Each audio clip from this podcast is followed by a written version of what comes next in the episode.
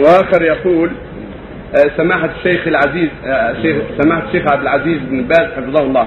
السلام عليكم ورحمة الله وبركاته. وبعد أنا مسؤول عن إحدى الإدارات الحكومية والتي تتعلق بقطاع كبير من المواطنين ويراجعني كثير من ذوي المنكرات الظاهرة كحالة اللحى وشارب الدخان وهكذا. فهل يجب علي توجيههم أم ألتزم أدب الوظيفة كما هو متعارف عليه؟ أفتونا أثابكم الله. هذا ليس من أدب الوظيفة التقييم إلا عليك التوجيه والكلام الطيب والإنكار بالأسلوب التي بالأسلوب الذي ترى أنه إن شاء الله ينفع. مع هؤلاء ومع غيرهم. وليس من آداب الوظيفة ترك إنكار المنكر هذا غلط. بل من آداب الوظيفة إنكار المنكر هذا أنت في وظيفة مسلمة أنت في وظيفة كافرة. من آداب الوظيفة إنكار المنكر والدعوة إلى الخير. هكذا ينبغي المؤمن أن يكون قويا ويكون شجاعا في الخير وأن يكون مقداما في مصالح المسلمين. فإذا رأيت المنكر أنكرته بالأسلوب الحسن.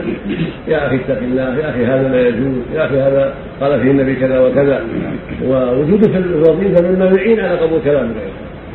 لأن الناس يرجون نفعك وربما ساعدهم هذا على إنكار على صرف المنكر والحرص على الخير. لعل ذلك ينفع عندك ولعل ذلك يعين على قضاء حاجتك.